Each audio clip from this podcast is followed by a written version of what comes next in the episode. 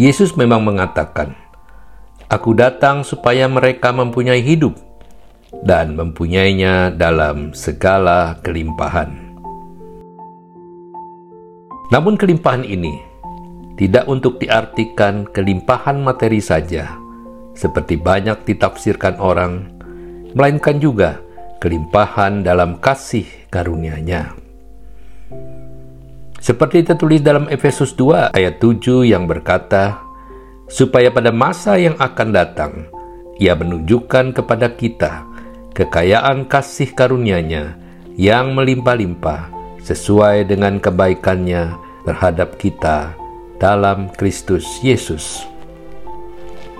Supaya oleh kekuatan Roh Kudus kita dapat hidup berlimpah dalam pengharapan, iman, kebajikan, penguasaan diri, ketekunan, kesalehan, dan kasih. Kasih karunia Allah ini tercurah bagi umat yang bekerja sama dengan rahmatnya di dalam Yesus Kristus putranya untuk memberikan kehidupan kekal bersamanya di surga.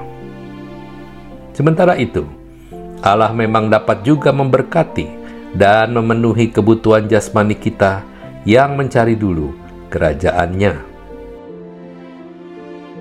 Namun demikian, berkat jasmani yang kita terima bukan berarti berbanding lurus dengan pencarian kita akan kerajaannya.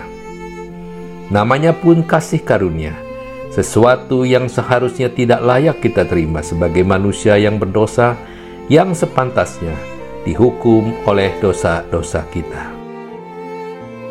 Seharusnya kita yang adalah seorang yang mencari kerajaan Allah akan lebih mengarahkan pandangan kepada tujuan akhir, yaitu persatuan kekal antara kita dengan Allah.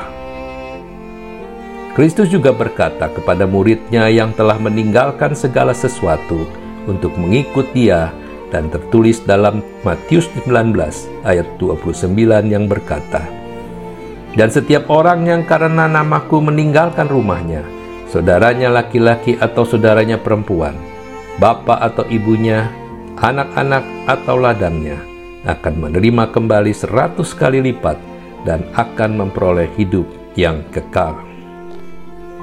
Apakah seratus kali lipat adalah kelimpahan berkat materi harta, kedudukan, kesehatan, dan lain-lain?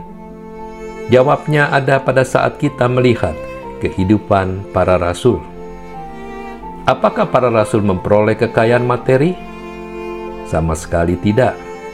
Hampir semua rasul mengalami penderitaan dan wafat sebagai martir karena mempertahankan kebenaran Kristus. Namun di tengah penderitaan itu, mereka tetap menerima kelimpahan rahmat, yaitu berkat rohani yang menghantar mereka kepada kehidupan kekal. Rahmat inilah yang membuat mereka tetap bersuka cita walaupun menghadapi berbagai penderitaan dan tetap berpengharapan teguh karena percaya akan keselamatan yang dijanjikan oleh Kristus. Jadi makna hidup berkelimpahan bagi kita orang percaya adalah kelimpahan rahmat rohani lebih penting daripada berkat material karena hal rohani bersifat kekal sedangkan hal material bersifat sementara. Hidup berkelimpahan ini terbuka bagi siapa saja yang senantiasa mengandalkan belas kasih Tuhan. Pertanyaannya, sudahkah kita mendapatkan hidup berkelimpahan yang sesungguhnya? Amin.